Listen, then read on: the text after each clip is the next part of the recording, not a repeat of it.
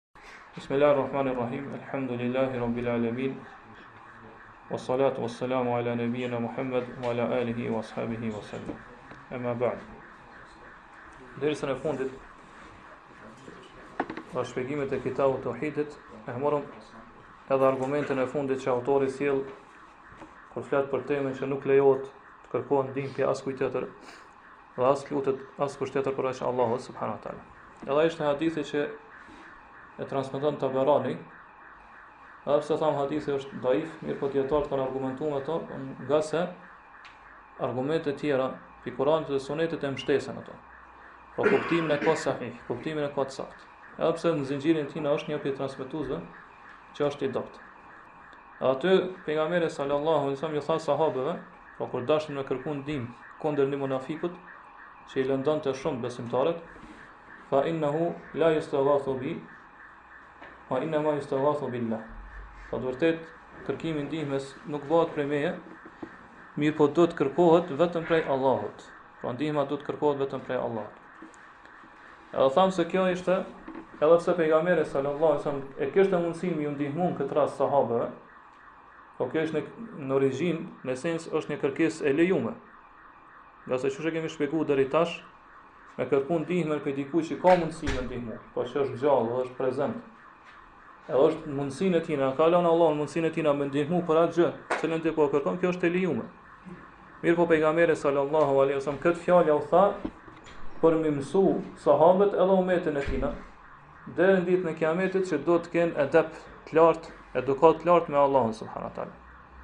Po duhet të tregohen, të kenë të ruhen edhe gjatë shqiptimit të fjalëve të tyre, duhet të ruhen prej gjërave që përmbajnë shirk. Po prej gjërave që mundën me përmbajt shirk. Andaj dijetarët thonë se ky hadith na tregon se ne duhet të kemi kujdes dhe duhet të ndalojmë më së pari vetën tonë edhe tjerët prej shirkut edhe prej gjitha mjeteve dhe rrugëve që çojnë deri te shirku ngase ne e dimë se që shkaku shirku te populli i Nuhit alejhi selam po kjo, kjo shkaku, arsyeja e kësaj ka qenë teprimi i lavdrimit në njerëz të devotshëm Po kur e kanë tepru, e kanë tepru te ata njerëz të mirë, njerëz të devotshëm që kanë qenë që kanë ardhur pas Nuhit alayhis salam, brezi i parë nuk i kanë adhuruar ata. Thjesht e kanë tepru në lavdrimin ndaj tyre. E pastaj kur ka ardhur brezi i dytë, gjenerata e dytë, është harru dija apo është fshi dija, ata kanë filluar me adhuru. E i kanë bërë shirk Allah subhanahu wa taala. Prandaj ne duhet mos shojna pe Tregohemi të kujdesshëm edhe mos bëjmë lëshime sa i përket shkaqeve që dërgojnë deri te shirku. Pavarësisht ajo ajo ato shkaqe që kanë të bëjnë me veprat tona apo me fjalët me gjuhën tonë. Prandaj edhe pejgamberi sa më son po ja ndalon, apo ju thotë se ndihma duhet të kërkohet vetëm prej Allahut. Pra keni kujdes, tregoni edukatë të lartë me Allahun subhanahu wa taala dhe së pari kërkoni ndihmë prej atij.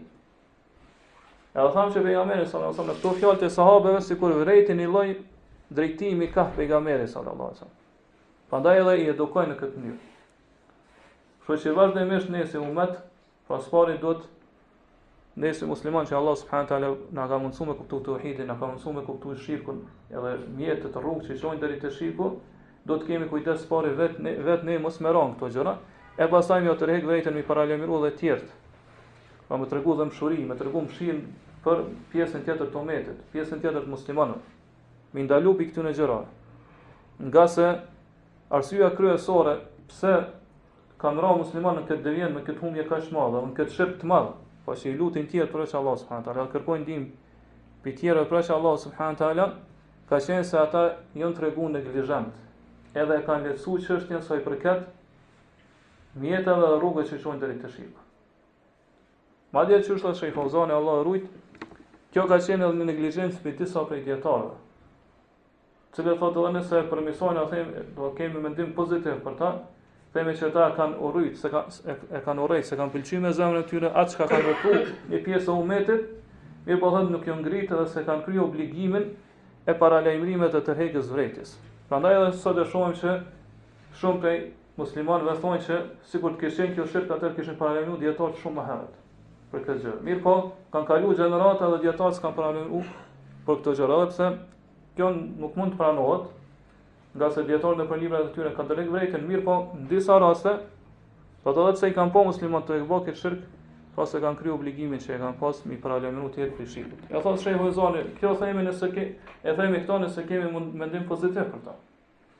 Kurse nëse themi që ata janë kon të kënaqun, pra e kanë pa atë shirk edhe s'i kanë paralajmëru, pra ata që kanë vepru këtë, këtë mënyrë atëherë atyre, nuk mundim me u thonë as dietar, pra aty në ata themi që edhe ata kanë bërë shirk se ai i cili është i kënaqun me shirkun, është sikur ai i cili e, e vepron ato. Po pikë pe ajeteve që kemi marrë këtë gjatë shpjegimit të kësaj teme, pe ajeteve që i kemi i kemi i ka pru autori dhe kemi shpjeguar Gjithashtu edhe hadithet, edhe fjalët e dietarëve kemi marrë për përfundim se me lut vdekurin apo me lut atë që nuk është prezent. Apo me lut atë që është prezent, mirëpo nuk ka mundësi, po Allahu s'e ka lënë në mundësinë e tina me ta plotësu ty atë kërkesë, atë lutje, atëherë kjo është shirk i madh. Po me kërku ndihmë pe tjerëve, në këto gjëra që janë vetëm në mundësinë e Allahut subhanu wa ta'ala, që me ta largu ty një të keqe, me ta, ose me, do thotë, me, me ta shndërru ty, në një të keqe ma të vogël, e kështu me radhë, atër kjo është shirku ma i madh që mundet me ju bo Allahut subhanu wa ta'ala. Po kjo është lloji ma i madh, pe llojeve të shirkut të madh.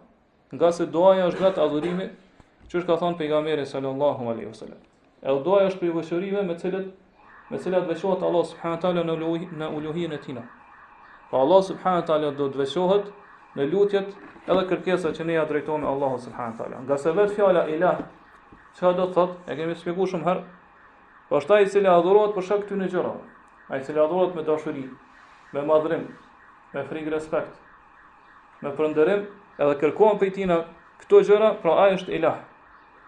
Ngase ai i cili lutësi, pra ai i cili e adhuron dikon, i e lut dikon, kërkon pe tina diçka, pse e bën këtë gjë? Ngase shpresa e tina është shkput, pe çdokujt tjetër përveç këtina që po i lutet. Po shpres, ai nuk shpreson më n'askon tjetër. Po vetëm këti që po i drejtohet me lutje, tek ai shpreson që ai ka me gjetë përgjigjen dhe ka me gjetë ndihmë. E kjo është esenca e teuhidit. Prandaj kjo lutje duhet të jetë vetëm për Allahun, subhanehu teala. Pra që ti shpresat e tua, m'i shkput pe çdokujt tjetër, edhe m'i, do thotë me, m'ia drejtu vetëm Allahut, subhanehu teala. Pra vetëm te Allahu, subhanehu teala, me drejtu shpresën tane. Prandaj ai i cili, do thotë lutjen e tina, Ja drejton dikujt tjetër përveç Allahut subhanahu wa taala, atëherë ai e ka barazu atë gjë me Allahun. E ka bërë të barabartë me Allahun subhanahu wa taala. Kjo është shirk. Ngase Allahu subhanahu wa taala tregon se mushrikët paganët kur janë duke u ndëshkuar në zjarrin e xhehenemit, kanë me u thon zotave që i kanë adhuruar në vend të Allahut, tallahi in kunna la fi dalalin mubin. Pasha Allahun, vërtet ne kemi qenë në një humbje të qartë. Në një humbje të madhe, të qartë. Pse? Idh nusawwikum bi rabbil alamin. Kur ne ju kemi, ju kemi konsideru juve, edhe ju kemi, ju kemi bo të barabart me Zotin e botëve. Po, qysh i kanë bo të barabart ata? Kemi thonë që mushrikët e Mekës nuk kanë besu që idhujt e tyre, ose ata që i kanë adhru me Allahun, subhanehu teala, krijojnë ashtu qysh krijon Allahu. Apo furnizojnë ashtu qysh furnizon Allahu. Apo që japin jetë dhe vdekje ashtu qysh jep Allahu. apo që drejton diçka prej çështjeve të universit ashtu siç e drejton Allahu. Pra ata e kanë ditë se këto gjëra janë veçanta vetëm për Allah. Mirëpo i kanë bërë barabart me Allahun në adhurime. Prandaj edhe Allah subhanahu teala po tregon se me këtë ajet po na sqaron se ai i cili adhuron dikon tjetër përveç Allahut subhanahu teala, ai po njëkohësisht e ka llogarit ato që është i barabart me Allahun subhanahu teala. Prandaj ti si musliman duhet që shpresën tonë Edhe lutjen tonë me drejtu vetëm te Allahu subhanahu wa taala, te askush tjetër përveç tij. Pastaj në dersin e kalum, unë premtova që po këtë ders kemi mi përmend disa prej dyshimeve që i sjellin adhuruesit e varreve. Edhe që përmes tyre duhen me përligj. Pra me pa të lejume, pra e konsiderojnë si të lejume veprën që e bojnë ata. Po që i adhurojnë tjerët, përveç Allahut subhanahu wa taala.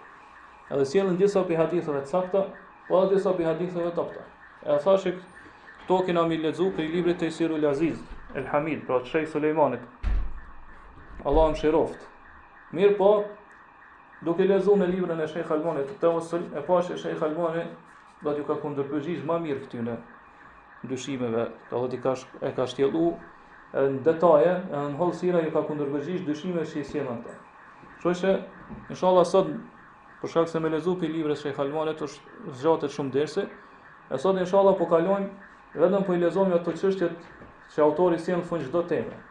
Kurse rreth dyshimeve që i kanë sjell ata rreth këtyre haditheve me të cilat mundohen me argumentu për shirkun që e bojnë ata, na inshallah do të lexojmë dersin e ardhshëm pe librat e Sheikh Albanit et-Tawassul. Edhe kemi pa se si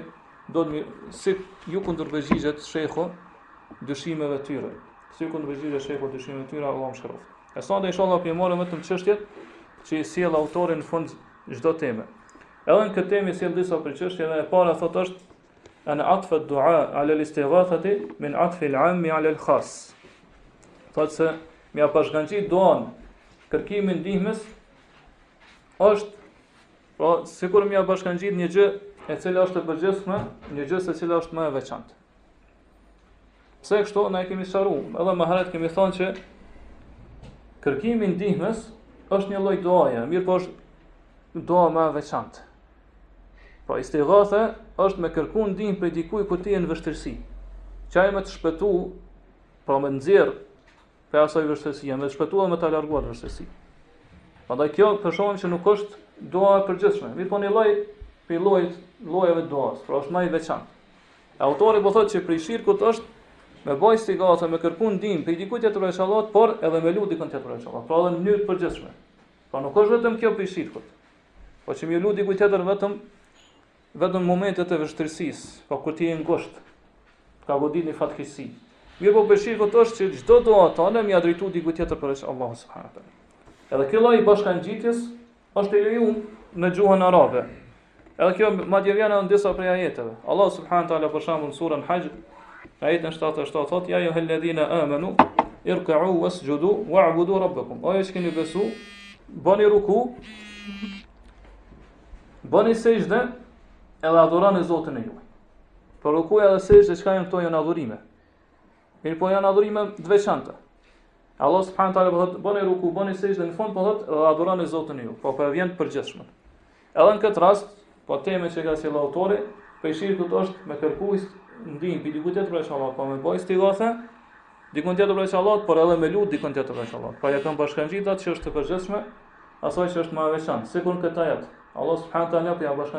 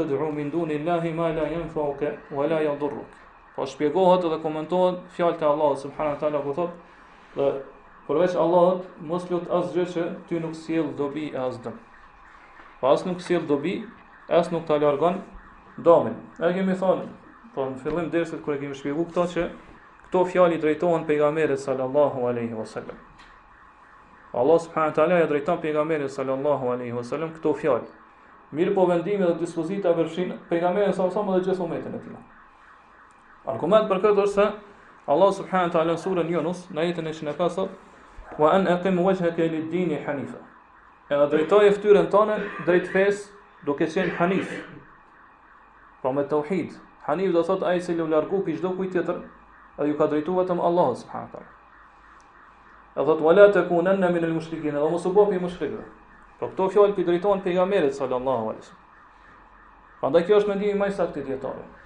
Që Allahu ajetin në cilën e sjell autori për këtë ajet që e përmendëm. Allahu këtu në surën Yunus i drejton pejgamberit sallallahu alaihi wasallam. Mirëpo, vendimi e përfshin atë edhe gjithë umetin.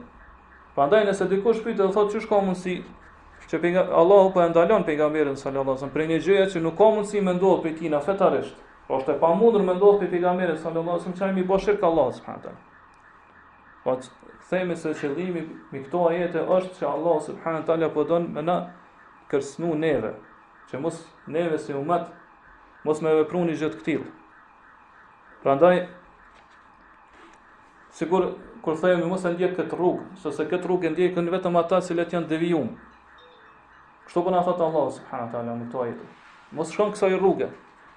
Po ti o pejgamber, dhe gjithë umetin, ngase këtë rrugë e ndjekin vetëm ata që kanë humb rrugën e drejtë. Prandaj themi se përderisa pejgamberi sallallahu alaihi wasallam nuk ka mundësi që prej tina me ndodh kjo gjë, pra Allah e ka ndalu, që me thënë me bo shirk. Pra sheriatikisht fetarisht është ndaluar që me ndodh kjo prej pejgamberit sallallahu alaihi wasallam, atëherë kjo është për neve si umet është një kërcënim shumë i madh.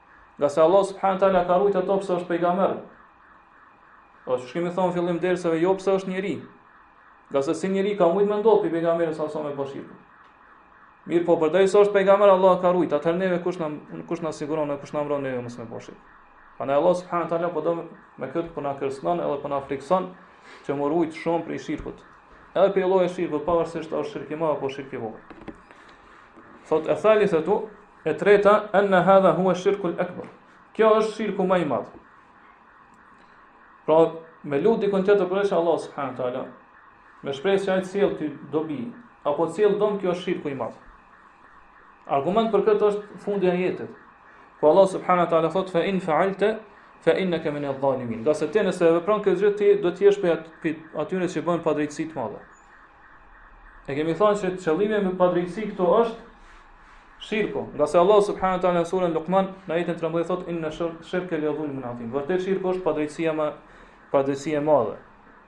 Prandaj edhe këtu Allah po thotë nëse ti e vepron kët, atëherë do të jesh pi atyre që bëjnë padrejtësi, po do të jesh pi atyre që bëjnë shirk. Po ai që lut dikon tjetër pos Allahut subhanahu wa taala, duke shpresuar se ai ia sjell një dobi, apo ia largon një të keqe, një dom, ai ka bërë shirk të madh.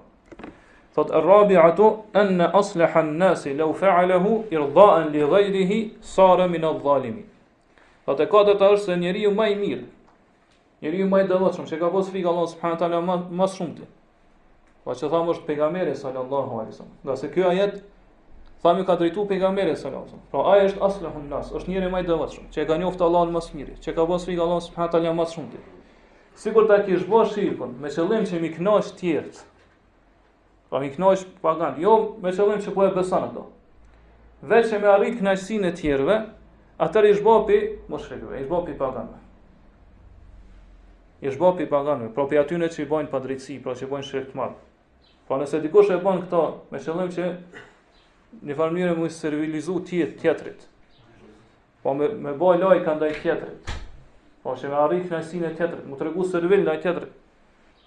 Atëherë ai që e bën këto, pra shkon dikush edhe e lut një të vdekur, një të varrosur, me qëllim që do thot me përfitu zemrën e një mushrikut.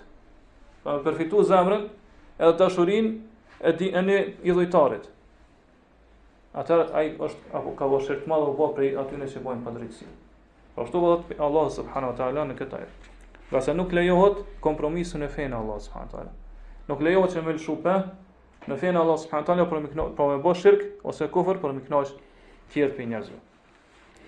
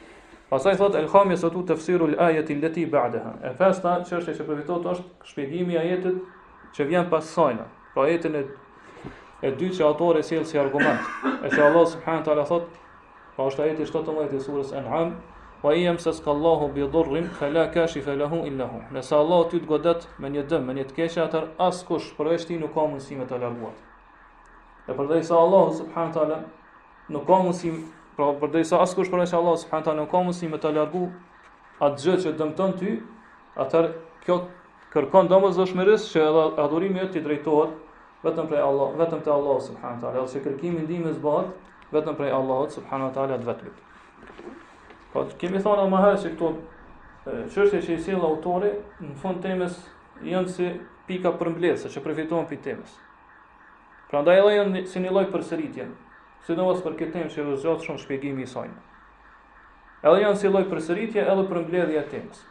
Edhe autori vazhdon thotë Es-sadisetu e gjashtë është kaunu dhalike la jenfeu fid dunja mea kaunihi kufran. Thot, kjo tregon se ai nuk ka munsi kursesi me të bo dobi, me sjell dobi në dunja. Megjithë faktin që është kufër.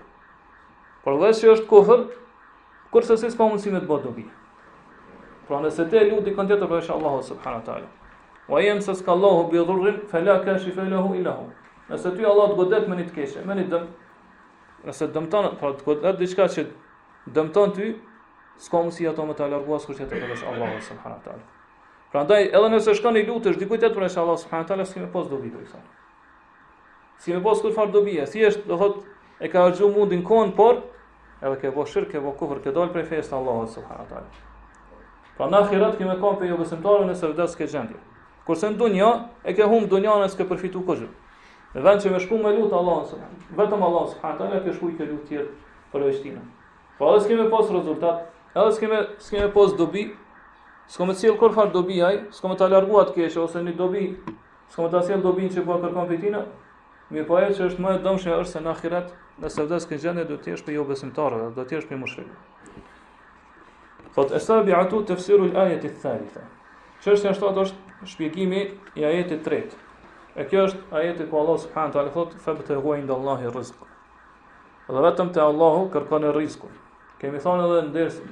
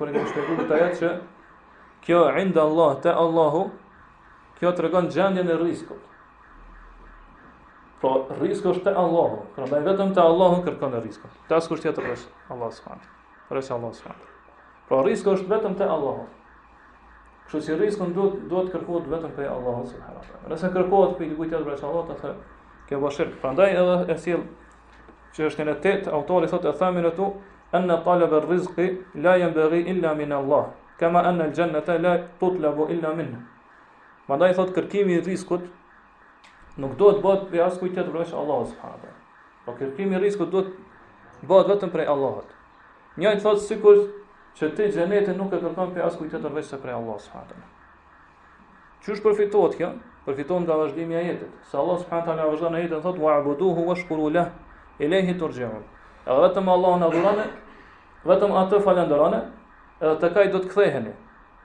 Pra, Allah subhanahu taala po na tregon se shkaku i hyrjes në xhenet është adhurimi. Por me hyrë në xhenet duhet me adhuru Allah subhanahu taala. Prandaj në fund ai do të thotë tek ai do të ktheheni. Po te Allah do të ktheheni dhe ai do të ju shpërblej me xhenet për për adhurimin e juaj. Prandaj ashtu që është xheneti kërkohet vetëm prej Allahut, me adhurimet tona, me lutjet tona, po ashtu edhe rizku duhet kërkohet vetëm prej Allahut subhanahu taala. Ngase Allah i ka sjellë këto dyja brenda një ajeti, brenda një konteksti.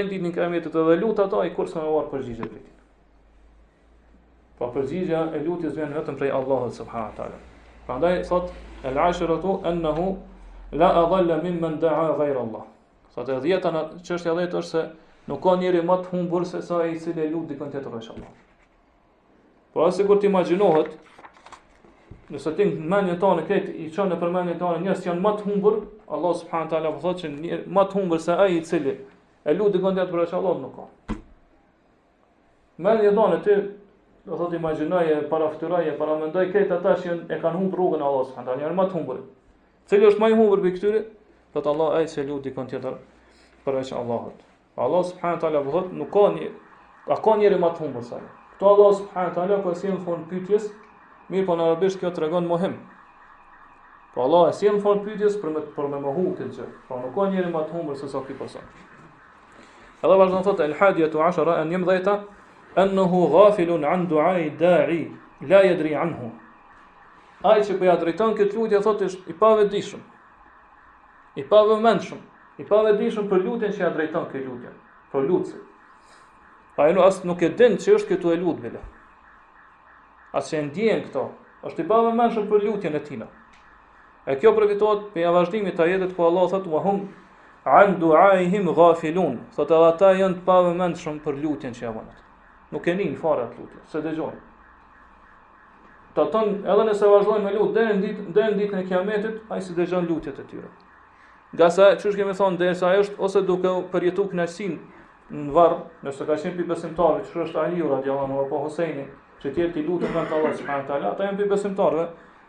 Edhe janë duke duke përjetu kënaqësin që Allah subhanahu taala ka përgatitur për ta në xhenet, në varr, në jetën e varrit.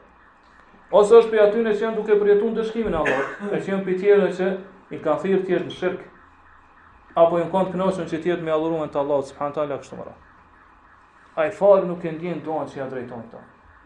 Po janë pavëmendshëm për këtë dua. Allah kështu po thotë, ne kemi thënë që Kjo kjo pjesa e ajetit që thot, dhe ata janë pavëmendshëm për duan që ja drejtojnë këta, vërtet janë pavëmendshëm për duan e tyne, për lutjet e tyne, kemi thënë që kjo i ka dy kuptime. Ose janë pavëmendshëm për gjitha lutjet që i bajnë ata. Po çdo lutje që i bajnë ata këta nuk e dëgjojnë. Po gjitha lutjet që i bajnë ata këta fare nuk i dëgjojnë. A pavarësisht a jau drejtojnë këtyne apo jo. Apo qëllimi i ajetit është për lutjet që ata ja drejtojnë këtyne. E kemi thënë se kjo është interpretimi më më më i parafort, më afër vërtetës. Ngase, do thotë kjo është e godet atë pikën pse Allah subhanahu taala ka treguar se këta janë të humbur pse? Se as, lutjet që jau drejtojnë ata këtyre as qato lutje këta nuk i nuk i nin hiç s'i dëgjojnë ato lutje. Po janë pavëmendshëm për lutjet e tyre. Pastaj vazhdon thotë eth-thanijetu ashra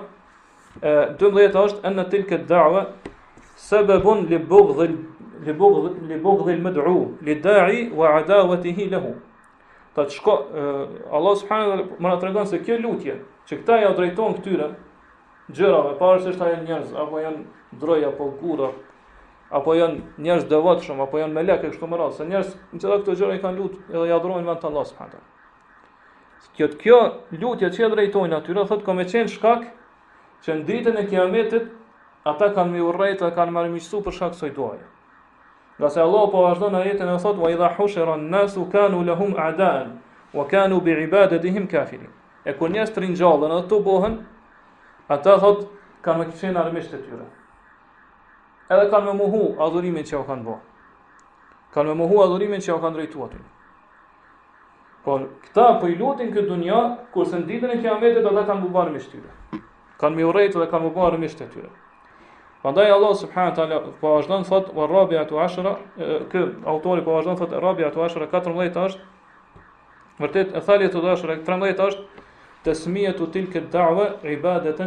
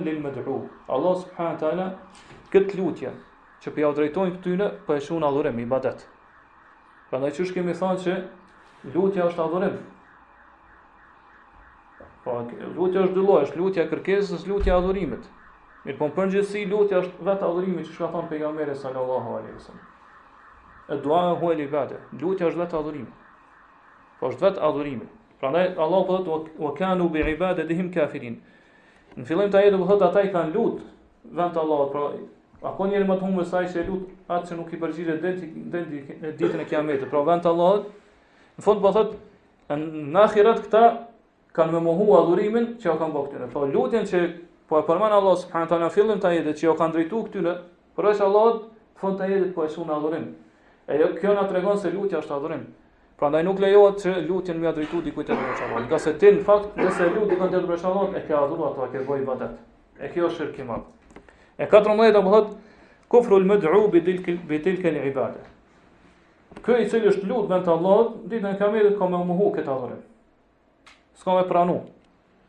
Ka me refuzu, ka me thonë jo, na s'kemi qenë vetëdijshëm fare që këta po na lutin apo po na adhurojnë.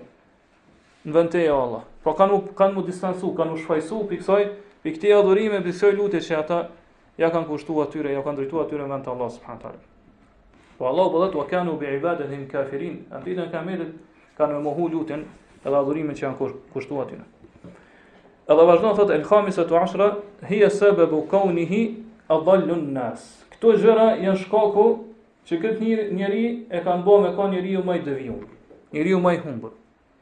Te këto që u përmendën, e që janë katër, po që i përmendëm në këto çështjet ma lart. Pra e para është se ai, po e lut dikon në vend Allahut subhanahu teala, që ai s'ka me marrë kurrë përgjigje prej tina, kurrë s'ka me iu përgjigj lutjes tina. E dyta është se, këta të cilët po i lut në vend Allahut janë pavetëdijshëm, pavëmendshëm për lutjen që po ia drejton.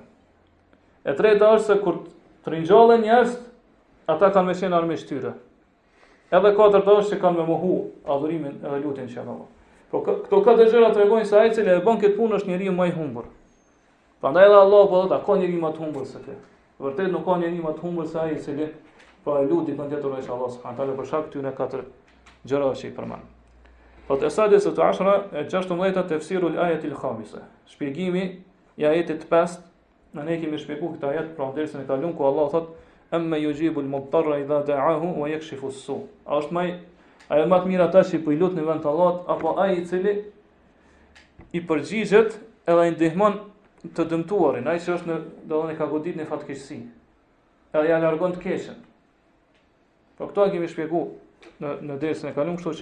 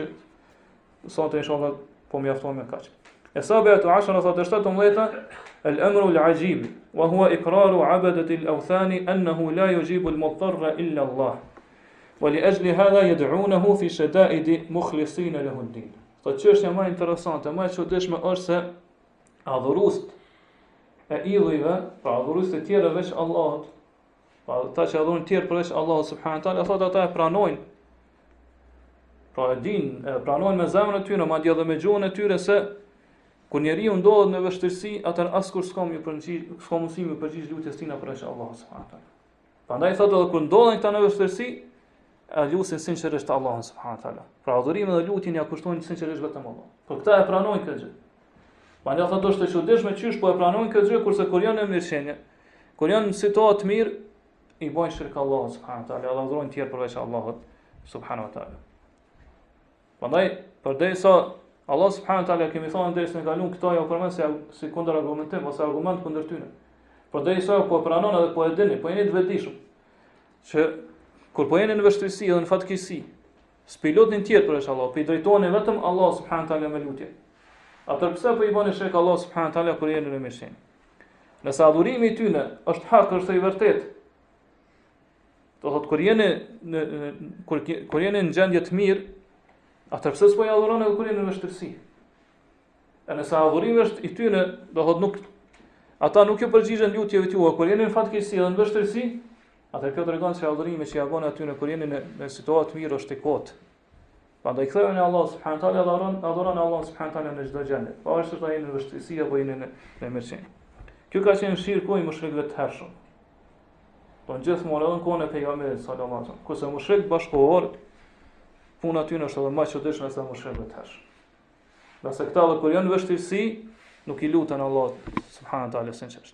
Mirëpo, kur janë në vështirësi, i luten tjerëve, përveç Allahut subhanahu teala. I luten Aliut, i luten Husejnit, i luten filan shejhut, që ka vdek, filan evliasë e kështu me radhë. Po puna tyre është më e çuditshme se sa puna e mushrikëve që kanë qenë që kanë ekzistuar në kohën e pejgamberit sallallahu alaihi wasallam. Po i lutin evliatë e tyre dhe kur janë në gjendje më të vështirë, edhe harrojnë Allahun subhanahu teala krejt.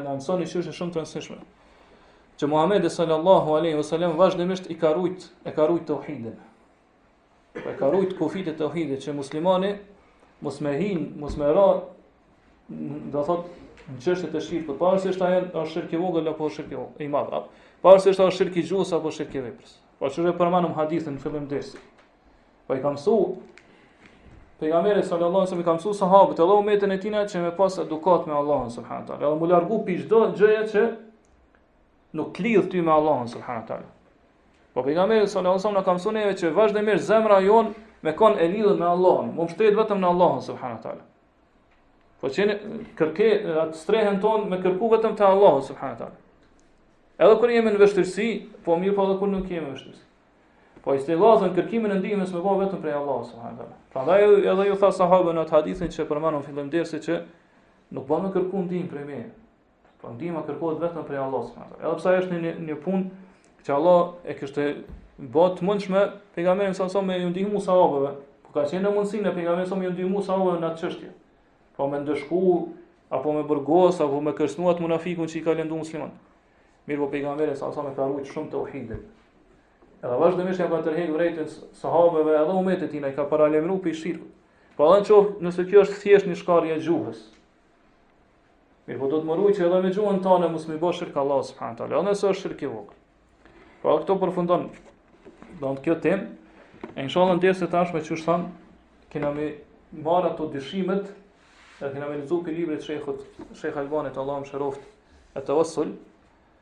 E i kemi lexu dyshimet që që se janë tri hadithe të sakta, sahiha, që këta argumentojnë, edhe thojnë që këto hadithe i ndihmojnë këta, ose në drejtimin që kanë këta, po që m'i lutë tjerët përveç Allahut subhanehu teala.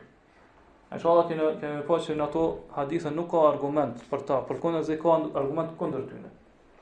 Mirëpo është mirë m'i ditë ngase ata vazhdimisht me këto hadithe ju sjellin dyshime muslimanëve. Ju sjellin dyshime, do thot ata që nuk kanë dije t'mjaftueshme. الله أدن واسميرتي الله أعلم وصلى الله على نبينا محمد وعلى آله وأصحابه وسلم